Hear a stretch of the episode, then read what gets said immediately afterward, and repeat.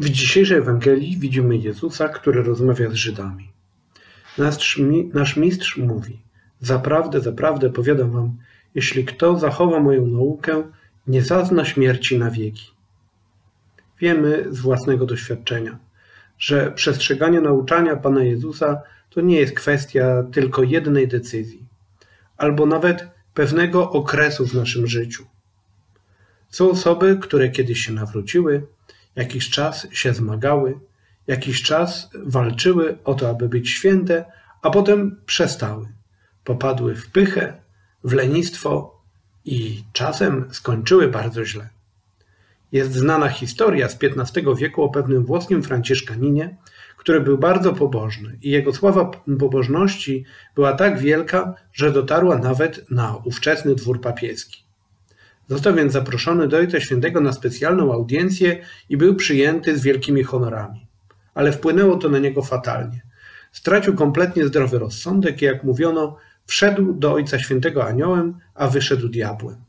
Po powrocie do klasztoru zaczął kłócić się z braćmi, potem w ogóle wystąpił z zakonu franciszkańskiego, zszedł na złe drogi, w końcu przyłączył się do jakichś rozbójników, jakich pełno było na południu Włoch w tamtych czasach, a w końcu został złapany przez wojska królewskie i powieszony, o ile nam wiadomo, bez wyrażenia skruchy za swoje czyny.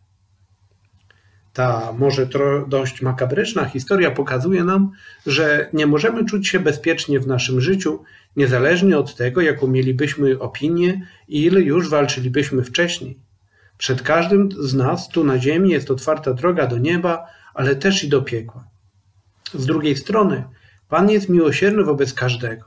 I nawet jeśli ciążą na nas wielkie winy, możemy się nawrócić choćby w ostatnim momencie naszego życia, jak dobry Łotr, czyli święty Damazy, którego wspomnienie obchodziliśmy niedawno. Do tego potrzebujemy nieustannego zmagania.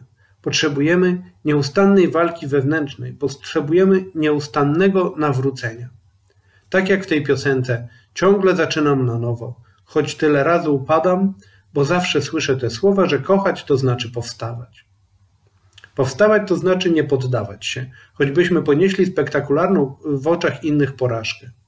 Dlatego też również Józef Piłsudski mówił: Być zwyciężonym i nie ulec to zwycięstwo. Zwyciężyć i spocząć na laurach to klęska. A więc nie poddawać się, tylko nieustannie wymagać od siebie, wymagać od siebie wewnętrznej walki. Święty Jan Paweł II, którego 15. rocznicę śmierci obchodzimy dziś, przypominał młodzieży na Westerplatte w 1987 roku.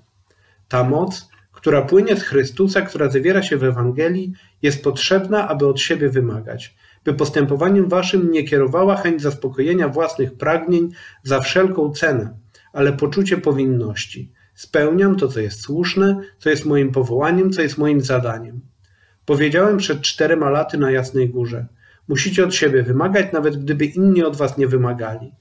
Wbrew wszystkim mirażom ułatwionego życia, musicie od siebie wymagać. Te słynne słowa mówił do nas Ojciec Święty. Ale ta walka, to nieustanne wymaganie od siebie, w naszym przypadku to zwykle nie będzie jakieś spektakularne bohaterstwo choć i to czasem może się zdarzyć, jak obecnie w przypadku lekarzy, którzy poświęcają się chorym na koronawirusa. Ale powiedzmy uczciwie, takie sytuacje są wyjątkowe. Nasza walka powinna być zmaganiem codziennym, zwykle prawie niewidocznym, ale wytrwałym. Jeśli kto chce iść za mną, niech się zaprze samego siebie, niech co dnia bierze krzyż swój, niech mnie naśladuje.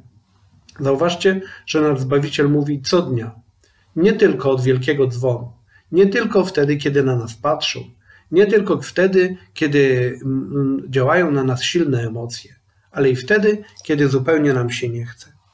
Założyciel Opus Dei przypomina, że chrześcijanin nie powinien czekać na zewnętrzne znaki lub sprzyjający nastrój, aby rozpocząć lub prowadzić dalej tę walkę.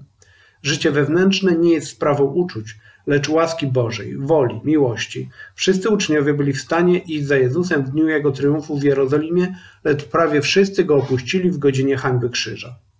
A więc codzienne oddanie i służba naszym najbliższym, przyjaciołom, dyscyplina w pracy wewnętrznej, punktualność, umiarkowane, umiarkowanie, codzienne drobne umartwienia, które pomogą nam być bardziej oddanymi. Codzienna zaplanowana modlitwa, nie tylko wtedy, gdy nam się chce, ale także kiedy mamy wrażenie, że Pan Bóg w ogóle nas nie słucha. Nie możemy się dziwić, że w tych zmaganiach będziemy od czasu do czasu upadać.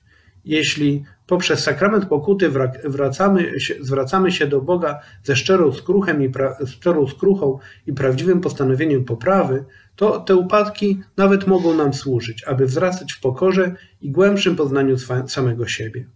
Święty Piotr wielokrotnie upadał, bał się, wątpił, zaparł się Chrystusa w najważniejszym wydawałoby się momencie, a Pan nie stracił do niego zaufania i ostatecznie Piotr był pierwszym papieżem i męczennikiem. Gdy czasem w naszej walce może nam się wydawać, że wszystko idzie nie tak, że tracimy nadzieję, powinniśmy pamiętać, gdzie zawsze możemy odnaleźć siły.